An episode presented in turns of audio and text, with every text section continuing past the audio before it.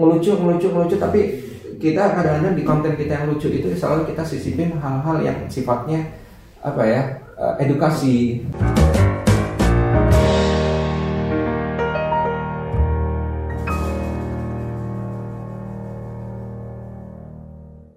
Assalamualaikum warahmatullahi wabarakatuh. Waalaikumsalam warahmatullahi wabarakatuh Kembali lagi di Pranala Talk. Oke. ah gitu tepoknya Bukannya abis nanti. aja abis opening baru tepok Iyalah. Oke. Kalau kalau kita tepuk duluan, berarti udah selesai dong acaranya. Oh, iya. oke oke oke Eh, saat ini eh, kita kedatangan tamu jauh waduh dari sul seorang sultan Eh, dari Timur Tengah. Jakartanya Timur Tengah. Ini, Oke, kita kedatangan Habib Usama. Hei, apa kabar semuanya? Nanti kasih efek suara rambut tepuk tangan. gitu ya. Oke. Oke, eh, kali ini Pranala kita mau ngebahas fenomena tentang garis lucu, Hmm. Tentang konten-konten agama tapi yang sarkas, Hmm. dan tentang eh, apa namanya kekayaan sultan Guys, yang bisa saya. Terus sekarang gimana deh? Kira-kira eh, kilang minyak itu dibom, dijatuhkan drone, apakah mengurangi pendapatan? Itu yang dibom itu kilang minyak bukan minyak bukan punya saya itu itu yang di sebelah di sebelah tanah Oh. saya itu kilang minyaknya yang diledakin kagak mana punya kilang minyak sebenarnya kalau saat di dunia sosial media itu banyak orang apa namanya ada beberapa teman dibilang sultan ada Oke. yang namanya Dilan Pros dibilang sultan, Sultan gaming. gaming, oke. ada namanya Ridwan HR dibilang sultan, otomotif Otomotif. Nah, nah kalau yang kayak Arbatah ini itu orang-orang bingung nih sultan apaan itu sebenarnya sultan parodi gitu. Oke, sultan. Jadi kaya kagak cuma ngelucu doang. Oke.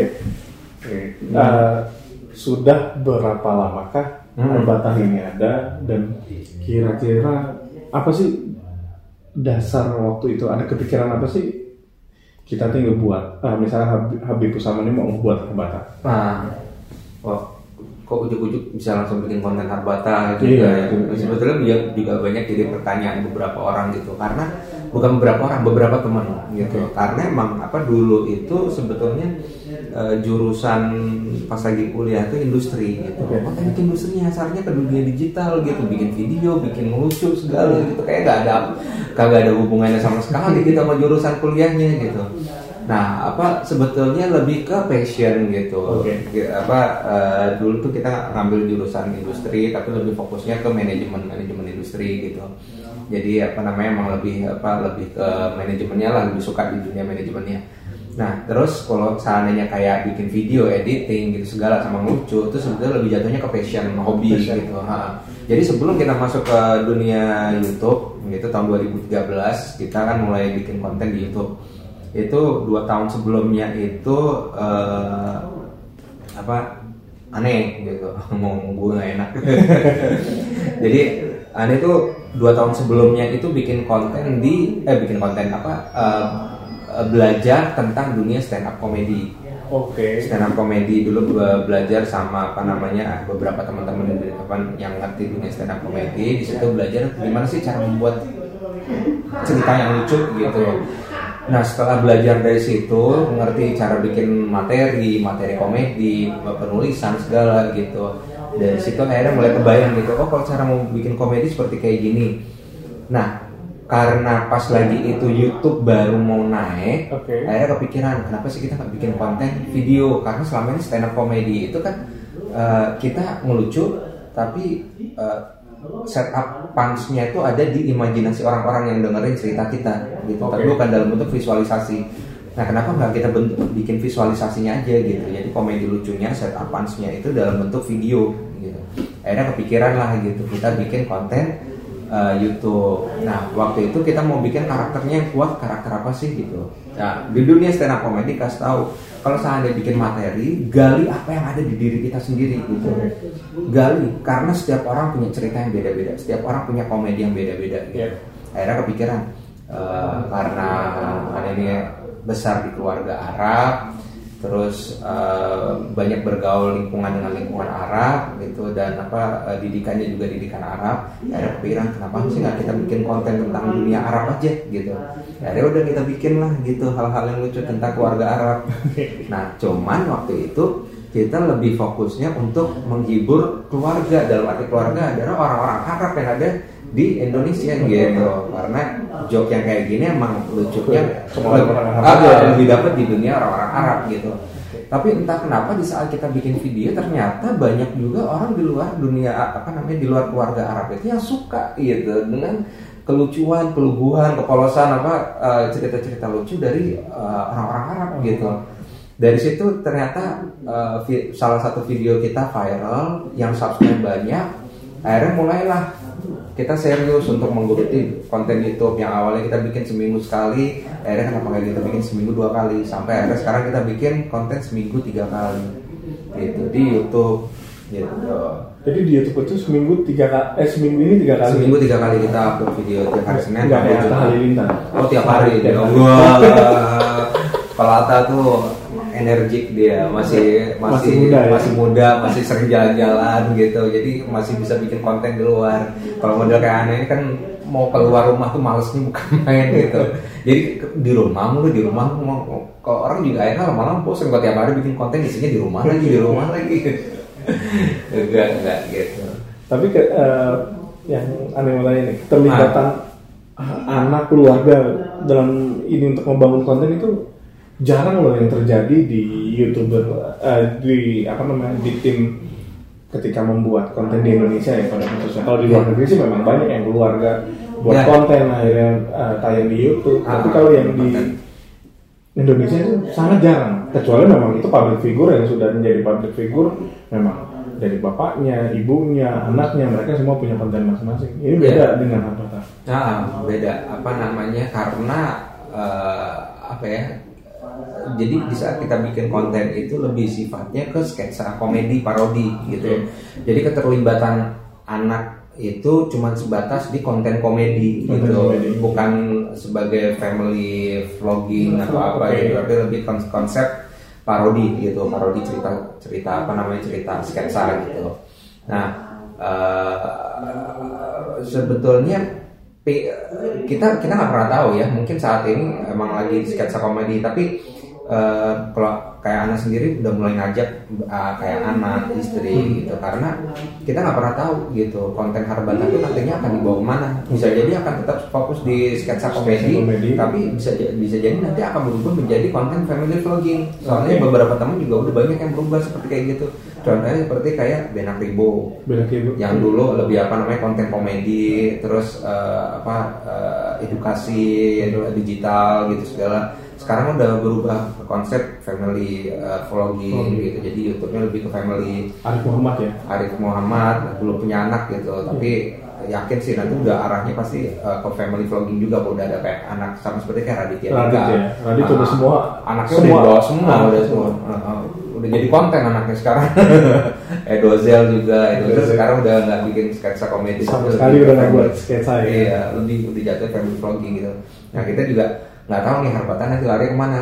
Ke- siap apa namanya tapi minimal dari sekarang udah disiapin seperti kayak anak-anak itu udah ikut dilibatin gitu. Terus eh, istri juga udah diikut dilab- dilibatin dan anak-anak sendiri juga apa ikut itu bukan bukan dari eh, Paksaan paksa untuk ikut gitu. Tapi emang mereka ini juga pingin ikut gitu kayak apa ya kayak karena emang udah terbiasa ngelihat eh, bapaknya bikin konten gitu kayaknya kayak ah pengen nyoba dong gitu aku juga pengen jadi youtuber. Ya cita-cita anak sekarang. Yang ditanya sama Pak Jokowi, cita-citanya apa? youtuber. Udah gak ada lagi kayak pilot dokter gitu. Dan nomor kedua. Sekarang itu. Pernah nggak sih eh, apa namanya? Ada pertanyaan dari keluarga. Kenapa nggak kerja? Kenapa jadi enak jadi youtuber? Ada. ada? Ada Eh, apa, apa namanya kayak pertentangan uh, orang tua gitu karena gini ya apa namanya tahun 2013 2014 itu YouTube itu bukan hal yang apa ya bukan bukan sesuatu yang bisa dijadikan uh, lapangan kerja. Lapangan kerja, betul. Ah, ah. Jadi mereka cuma taunya bahwa YouTube itu cuma sekedar hobi gitu. Iya. Jadi orang tua sendiri juga udah ngapain sih uh, fokus kan dulu uh, dulu kan apa namanya uh, anak kan kerja di dunia travel kan uh, umroh haji gitu. Uh, terus ngapain sih fokus bikin-bikin YouTube gitu? Kenapa nggak fokus aja ngerjain apa umroh haji gitu segala gitu? Ya ini karena passion gitu. Uh, emang ada duitnya? Eh jangan salah. Mereka belum tahu gitu. Walaupun memang kecil tapi Continue ya. Iya, bukan masalah kontinu. Kita melihat prospek ke depan gitu. Iya. Anak sendiri udah udah udah kayak ngelihat ini setahun dua tahun ke depan ini bisa jadi apa namanya bisa bisa jadi eh, apa ya bisa jadi lapangan kerja yang bagus banget bahkan untuk semua umur gitu. Oke. Bukan cuma orang remaja atau orang tua aja, bahkan anak kecil pun juga bisa apa eh, Bisa menggalang kredit ya. Ah, bisa bisa menghasilkan duit juga dari situ gitu. Nah, ini orang-orang orang-orang lama belum banyak yang tahu gitu. Setelah kayak sekarang ini mulai booming, Iya. akhirnya mulai mulai berasa gitu. Oh ternyata gampang banget ya dapat duit dari YouTube gitu. Coba bikin konten-konten gitu doang gitu. Akhirnya banyak orang tua sekarang terbuka gitu. Bisa Nah, pemikirannya anaknya. ah, bahkan banyak beberapa orang tua sekarang bukan cuma sekedar apa namanya membe- memberikan izin tapi mereka mendukung juga gitu Support, beli Iya, kamera. iya beliin kamera yang bagus gitu segala Eh, beli kamera, terus beli audio. Ini mas pakai ini. gitu.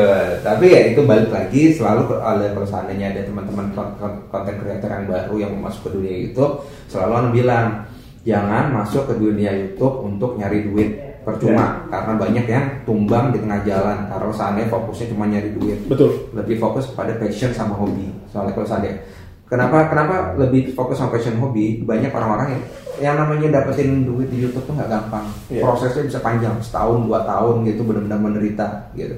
Dalam arti setahun dua tahun mereka mikir wah setahun nih. Orang-orang bikin YouTube jangan ntar eh, setahun bisa dapet duit banyak gitu. Ternyata enggak juga gitu. Orang-orang yang yang yang udah sukses sekarang itu mereka udah mupuk itu udah dari lama banget gitu. Setahun dua tahun itu eh, bukan bukan waktu yang cepat untuk bisa dapetin duit gitu. dan itu kadang-kadang yang orang-orang yang cuma ngincer duit di, di tengah jalan langsung jatuh. Ah ternyata nggak ada duitnya. Susah dapetin duit ah gitu.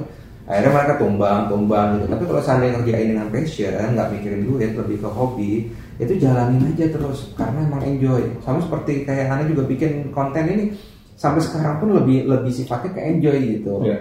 AdSense uh, AdSense uh, duit itu adalah bonus dari uh, passion hobi Ada muncul lagi di jagat jagat Twitter Hmm. tentang fenomena garis lucu. Nah. yang pertama kali garis lucu itu ada yang garis Aku, lucu, ah, lalu diikutin ada Muhammadin ada garis lucu Muhammadiyah garis lucu, ada Katolik garis lucu, Iya, Katolik garis lucu. ada Hizbut Tahrir garis lucu, Nah. banyak pun Salafi, Ya. sampai setan pun ada jadi garis lucu. nah itu baru tahu tuh dan garis lucu itu lucu ada banget. Maya garis lucu. Eh. Jadi PKS juga ada garis lucu, Bib. Ah, ada semua ada. ah Belum ada nih hijrah garis lucu, oh, belum kelihatan nggak lama nih pasti nanti ada di hijrah garis lucu Nah, melihat fenomena ini kira-kira apa sih apakah du- dunia literasi dengan dan dunia uh, menulis atau kan kalau Twitter itu kan microblogging ya, Ah, iya, ketika microblogging. muncul tahun 2009 apa, membuat sebuah catatan-catatan kecil yang bisa dibaca oleh followersnya dan banyak Ah. uh, orang ketika orang itu meretweet. Nah, kira-kira uh, fenomena ini bisa sejalan nggak sih dengan apa konten-konten Herbata yang sudah keluar, yang sudah apa namanya yang sudah rilis, yang sudah ada sebelum-sebelumnya atau memang ini adalah rata-rata konten-konten baru mereka keluarkan untuk apa nih untuk yang garis lucu di Twitter Eh, sebetulnya fenomena Twitter ini kayaknya mulai baru naik lagi jadi Oke. dulu sempet turun turun ya. Nah, sempat turun dan sekarang kelihatan beberapa temen eh, teman-teman konten creator udah banyak yang mulai aktif lagi di, Di eh, Twitter. Twitter Sep- seperti kayak Arif Muhammad terus eh, banyak sih teman-teman yang masuk ke dunia Twitter dan eh, salah satunya yang nggak nyentuh dunia Twitter masuk juga kayak Atta Halilintar gitu. Iya. Eh, karena kita ngelihat sekarang orang juga udah mulai apa ya mulai banyak yang tertarik lagi dengan dunia Twitter gitu. Karena Twitter itu apa ya lebih realistis. Beda seperti kayak konten YouTube yang ya, banyak komedi banyak drama juga gitu. Sedangkan kalau seandainya di Twitter itu lebih kayak eh, hal-hal yang realistis. Eh, unek-unek orang-orang ditumpahin ke dalam eh, catatan yang ada di Twitter gitu. Dan kita sendiri juga enjoy gitu ngebaca tulisan-tulisan pendek yang apa ya yang yang kayak "Ini enak banget sih gitu eh, ke ke apa ke ke apa ya ke ke kepikiran kita gitu Eh, sama seperti kayak konsep stand up comedy stand up comedy itu semakin deket setup ke punch itu bakal semakin lucu Ma- ah, ah, makanya kenapa kita bikin konten selalu pendek-pendek Oke. Uh, kalau seandainya panjang orang udah keburu bosen gitu. Iya. Jadi uh, dengan semakin pendek uh, konsep cerita, makanya uh, pasti bakal lebih meledak gitu uh, kon- konsep cerita gitu. Itu yang terjadi di Twitter gitu. Kata-katanya nggak terlalu banyak Twitter emang dibatasin gitu, tapi kayak lebih ngena aja gitu. Wah ini lucu nih gitu. Dan selalu kayak apa ya jok-jok yang baru tuh selalu ada di Twitter gitu. Uh, karena apa ya? Karena itu adalah kayak unek-unek orang kepikiran orang gitu. Uh, kayak seperti ada kasus yang lagi rame demo mahasiswa gitu. Itu pasti di Twitter ada hal yang lucu yang keluar gitu. Ada aja cerita yang keluar. Ada aja yang apa namanya orang kepikiran. Kok kepikiran ya bikin cerita lucu kayak gini gitu. Dan itu ada di Twitter gitu. Itu hal- ditemukan di media sosial lain ya. Iya, itu yang nggak kita temukan di media sosial lain- yang lain. Eh, bahkan Instagram pun eh, Sering ngutip screenshot banyak Twitter. ah, banyak screenshot eh, hal-hal yang ada di Twitter. Bahkan story-story juga banyak yang screenshot da- dari eh, Twitter ya? Twitter yang hal-hal yang lucu gitu. Kenapa? Karena ya, itu tadi tulisannya pendek bisa ditaruh gitu. Justru kayak konten-konten video itu nggak terlalu nggak terlalu populer di, Di Twitter, Twitter. ya? Nah, konten-konten yang lebih ketulisan aja gitu yang apa lebih lebih lebih apa ya lebih lebih bisa diterima sama orang-orang yang masuk ke dunia Twitter gitu. Oke oke. Nah, Terus berarti Nah. garis lucu itu sesuai ya? Nah, kenapa kok kayak sekarang udah fenomena-fenomena garis lucu ini ada mulai banyak gitu di Twitter. Baik lagi eh, komedi yang pendek itu lebih ngena gitu. Set up punch yang pendek itu lebih Lebih ngena. oke. Eh, eh, dan di Twitter itu itu kan pendek-pendek ceritanya. Iya, saya benar. Tapi orang bisa ketawa gitu. Dan dengan cerita yang panjang di Ah. Facebook gitu. Ah, ah. nah, udah itu terus satu lagi, kenapa kenapa yang lucu gitu? Kenapa nggak yang serius gitu? Nah, eh, karena kalau kalau orang lihatnya apa ya? Hal-hal yang sifatnya lucu, hal-hal yang sifatnya komedi itu lebih masuk ke orang dibandingin hal-hal yang serius. Gitu. Kalau hal-hal yang serius tuh orang paling baik baru baca satu kalimat pertama aja udah ah males ah gitu. Ya kalau seandainya udah lucu, wah bakal diingat terus. Dan dia akan di follow, akan di retweet. akan di follow, di retweet, di segala dan mengharapkan kejadian-kejadian cerita-cerita lucu lainnya seperti apa sih gitu. Itu itu apa ya eh, sama seperti yang eh, yang kita bikin gitu Eh, konten konten terus. harabatah itu lebih dari semenit ya? Nah, ah, ah, kok is apa namanya ngelucu ngelucu ngelucu tapi kita kadang-kadang di konten kita yang lucu itu selalu kita sisipin hal-hal yang sifatnya apa ya eh, edukasi terus eh, apa namanya mendidik gitu Ya, eh, ada hal-hal positifnya juga gitu. Karena kenapa? Karena da- orang lebih lebih gampang menerima eh, apa ya edukasi dalam bentuk komedi dibandingin edukasi yang serius gitu makanya orang kenapa lebih banyak nge-follow NU garis lucu Daripada NU NU yang Nanti ada tuh ulama, udah ulamanya nggak punya Twitter, kiainya nggak punya Twitter ya. Ah. Gus-gusnya nggak punya Twitter, ya Ah. hanya gus-gus milenial aja mungkin punya Twitter. Tapi warga NU kultural nggak follow. nah Kalau NU garis lucu, ya nggak NU malah follow. eh semuanya banyak yang follow gitu bahkan anak sendiri juga ikut follow gitu. Karena kenapa? Karena emang apa ya? Hal-hal yang lucu gitu. Tapi bener juga gitu. Ini bener juga loh ini. Walaupun disampaikan dengan cara yang lucu gitu. Oke, oke paham paham. nah. Terus fenomena yang terakhir, fenomena hijrah. Nah, Nah, fenomena hijrah ini kalau menurut antum gimana? Apakah kira-kira hanya sesaat atau memang uh, ini akan baik berlanjut terus? ya, ya sebetulnya sih apa ya? Hmm, fenomena hijrah kemarin juga sempat ngobrol-ngobrol juga sama Habib eh, Hussein Hadar. Hussein Hadar. Oh, Nah, apa salah satu ustadz milenial lah gitu. Eh, apa ya? Jadi eh, bagus juga sih pemikiran dia gitu. Sebetulnya ya, hijrah itu adalah hijrah itu eh, ngerubah dari hal yang apa namanya yang nggak baik menjadi yang baik gitu. Nah, eh, terus bukan berarti bahwa dengan kita berubah dari yang baik nggak baik terus menjadi yang baik terus kita menjelek-jelekan orang-orang yang nggak baik gitu. Wah lo nggak baik gue udah hijrah gitu. Nggak juga gitu.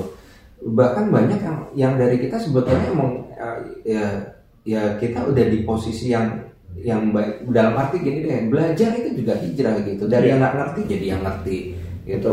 Orang kerja juga hijrah juga gitu. Dari yang apa namanya dari yang nggak ngerti dunia pekerjaan jadi ngerti dunia pekerjaan. Dari yang apa eh, menghasilkan menghasilkan eh, duit dari kerja untuk pribadi akhirnya bisa, Bisa. eh, kelebihannya bisa disumbangkan gitu Betul. itu kan arahnya juga ke hijrah juga gitu bukan berarti terus kita harus mengambung-ambungkan wah kita udah hijrah nih berarti kita udah paling benar enggak ngapain gitu kita mema- memamerkan diri kita yang sudah hijrah gitu Ah, jadi ya apa ya fenomena hijrah itu ya maksudnya ya bukan nggak apa bukan me- Mendiskreditkan. mereka gitu banyak teman-teman yang ya alhamdulillah lah gitu da- dari orang-orang yang apa ada teman-teman yang dari yang bertato gitu jadi sekarang sholat gitu segala gitu ya, alhamdulillah gitu. Tapi ya, ya bukan berarti terus mereka menjadi yang lebih baik enggak gitu. Harus menyalahkan atau mengkafir-kafirkan orang yang enggak enggak baik ya enggak juga gitu. Eh, ya masing-masing punya punya apa ya punya teori sendiri tentang hijrah lah gitu.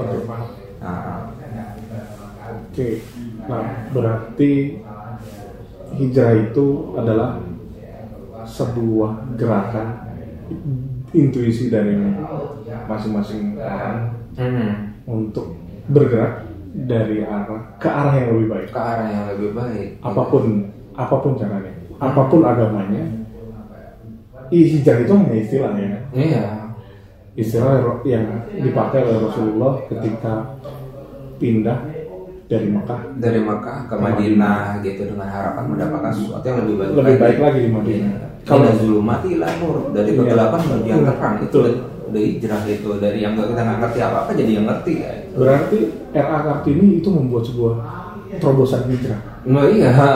Dari Habis gelap, habis gelap? terbitlah terang ya. Tuh ingat ya, ingat tuh Kartini itu pelopor hijrah wanita, Nah, hijrah itu emansipasi, pelopor hijrah. Iya. Hijrah itu bukan masalah pakaian, Hmm, ya, hijrah bukan masalah pakaian juga. Ya, hijrah itu bukan masalah ini, karena iman itu nggak bisa ditatar oleh siapa pun. iya. Iman itu adanya di hati. Iya. Sama seperti kayak kita bikin konten gitu dengan baju eh, kesultanan kita gitu, baju tuk, baju Arab dengan kafe yang gitu. Kita bikin cerita komedi gitu. Ada aja yang komen gitu. Wah, itu ya walaupun cuma satu dua orang doang dari ribuan orang gitu. Cuma satu dua orang doang yang wah itu kan baju agama itu baju Islam kenapa dipakai buat ngelucu Bajunya aja Islam. ba- baju Islam ya ampun jadi lu melihat selama ini Islam itu di baju gitu Islam tuh adanya di hati Oke, Oke, kadang-kadang Oke, nggak ngerti gitu kok pemikirannya bahwa baju itu untuk menunjukkan Islam Islam itu ya itu- Standarisasi Islam harus pakai jubah gitu. Iya masa orang Islam pakai jubah? Tem, iya, Ustaz, eh, apa aneh ingat kata-katanya kata-katanya itu eh, Habib eh, Hussein dia Habib bilang, Hussein. ah, ah, temen apa namanya eh, apa sih musuh-musuhnya Rasulullah aja pakai top pakai jubah juga. Nah masa iya dia, dia dibilang Islam musuh-musuhnya Rasulullah dibilang eh, apa namanya wakil Islam? Paham, paham. jangan melihat jangan melihat orang-orang cuma dari pakaiannya aja gitu. Tapi dari Islam itu adanya di sini di hati. Gitu.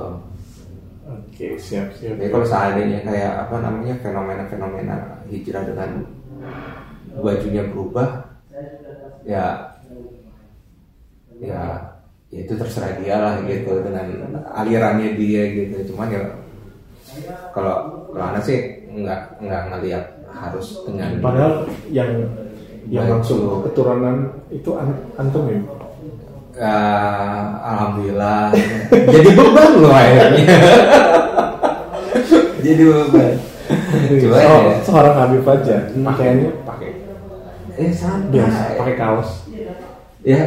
Santai aja. Pakai celana jeans. Pakai celana jeans pakai santai. Ya pakai yang penting kita tetap apa namanya eh, apa ya tetap tetap di koridor Islam gitu. Tetap sholat lima waktu baik sama orang orang baik sama tetangga. Uh, hablum minallah hablum minanas dijalani juga pada gitu. pada dasarnya ketika saya ngobrol sama beberapa kiai saya. Hmm.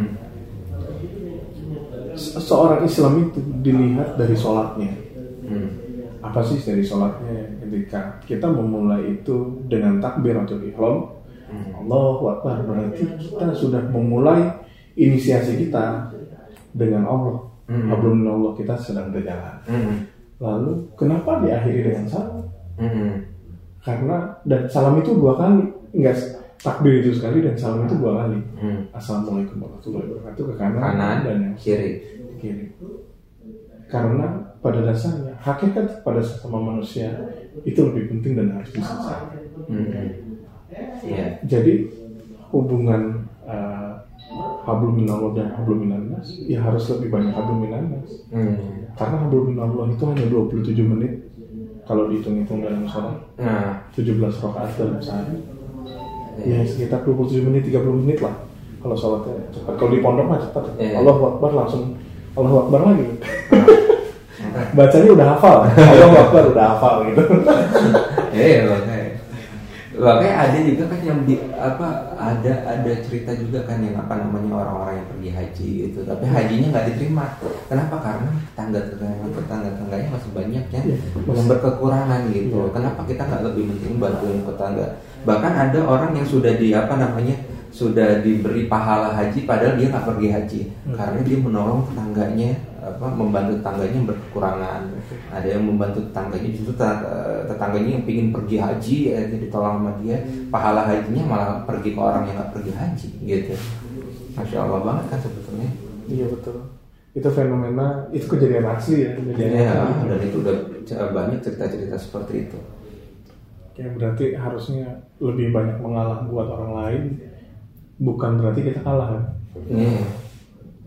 Perlu pentingnya lah tetangga-tetangga kita juga kita yang berkekurangan gitu, segala jangan fokus sama diri berarti kita benar sholat itu diakhiri dengan salam lihat tang- lihat kanan lihat yang tangga melihat kita tetangga kita. harus benar-benar kita perhatikan Tuh.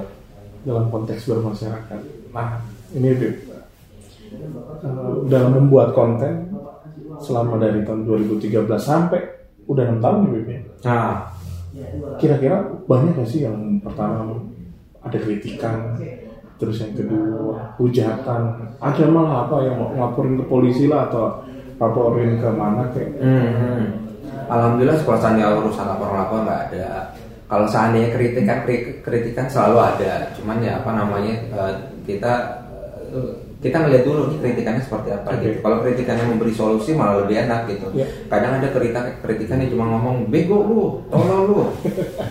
Nah, tolongnya di sebelah mana gitu. Kalau Iya. seandainya Kan kamu ada solusi, tahu, kan? iya kalau ada solusi yang lebih bagus ya kita mencoba untuk berubah gitu. Tapi itulah yang yang selalu dihadapi sama eh, apa ya teman-teman influencer gitu. Semakin tinggi eh, apa namanya follower kita, pasti akan semakin banyak orang-orang yang eh, apa namanya eh, berusaha untuk menjatuhkan kita gitu. Kalau seandainya di awal-awal gitu kita pasti kesel gitu. Jangan kan jangan kan kayak gitu. Ini kita bikin video YouTube aja waktu awal nih. Ada satu yang dislike kita sampai ini siapa yang dislike ini? Kurang ajar nih. Ada nggak apa namanya aplikasi atau apa gitu untuk nyari apa siapa yang bisa di, siapa yang dislike video kita? Ada gitu sampai kepikiran gitu. Semalam malam semalaman nggak tidur. Anjir nih siapa yang dislike nih? Siapa yang dislike? Iya Eh, cuman akhirnya lama-lama kita udah terbiasa gitu dengan dislike, dengan masukan, dengan kritikan segala. kita udah biasa kalau ada kritikan kritikan yang bagus ya kita kita pakai untuk perbaiki kita gitu. Cuma kalau ada kritikan kritikan yang yang nggak bagus atau mengarah ke kata-kata hujatan ya kita blok. Simple ada ada ininya kok feature blog di YouTube di Instagram gampang banget. Gitu. Yang terakhir nih dulu yang ketika aneh kenal antum itu Hmm. dulu namanya duo harbata. Ya. Sebelumnya katanya ada lagi. Atau gimana Enggak. aneh nggak tahu. Terus berubah jadi harbata. Itu kenapa tuh? Oh iya, nah jadi dulu pas lagi eh, pertama kita bikin channel dua Harbata itu emang diawali sa- sama dua orang. Yaitu Ana sama ada saudara. Namanya si Harun. Iya. Makanya di video-video awal tuh pasti ada tuh Usama dan Harun, Usama dan Harun, Usama dan Harun gitu. Iya. Setelah jalan 2 tahun si Harun mundur. Oke. Mundur pertimbangannya satu karena dia lagi mau nyelesain eh, apa namanya skripsi kuliah Oke. sama persiapan nikah. Dan emang planningnya dia setelah dia selesai nikah dia mau pulang ke kampung halamannya di Pekalongan oh gitu. Jadi kayaknya dia nggak bisa terusin di dua Arbata. Setelah dia mundur, akhirnya terpikirkanlah oh enggak bu- belum belum sempat belum sempat bareng orang lain. Sempat rubah nama channel jadi Usama Eh, jadi Usama Harbatah. Oh jadi sama harbata Usama Harbatah. Jadi dari channel dua Harbatah berubah jadi Usama Harbatah. Cuman ya itu tadi kayak ada rasa ada yang kurang gitu eh, dengan nama Usama Harbatah ini apa ya kira-kira gitu. Kayak karena memang terbiasa dengan dua orang jadi kayak kayak apa ya insecure gitu dengan sendiri, Sendiri, gitu. Kok kayak nggak nyaman gitu. Akhirnya ngajaklah si so- Kiki. Iya. uh, so- uh, ipar ipar adik dari istri. Itu untuk ikut gabung di luar bata. Akhirnya dari Usama Arbata berubah lagi namanya jadi luar bata. Belum jalan satu tahun si Kiki pun juga sama pindah ke Pekalongan. Pindah ke Pekalongan eh, karena emang orang tuanya ada di Pekalongan kan Iya. pindah ke Pekalongan akhirnya sendiri lagi gitu. Tapi sendiri dengan belum mengubah nama dua Harbata gitu. Masih tetap eh, banyak orang yang kok dua Harbata tapi kok sendiri? Kenapa nggak jadi single Harbata aja? Gitu. Iya. Juga ya. Eh nah di situ terus ketemu sama si Bakti. Bukan ketemu sebenarnya udah lama berteman sama si Bakti.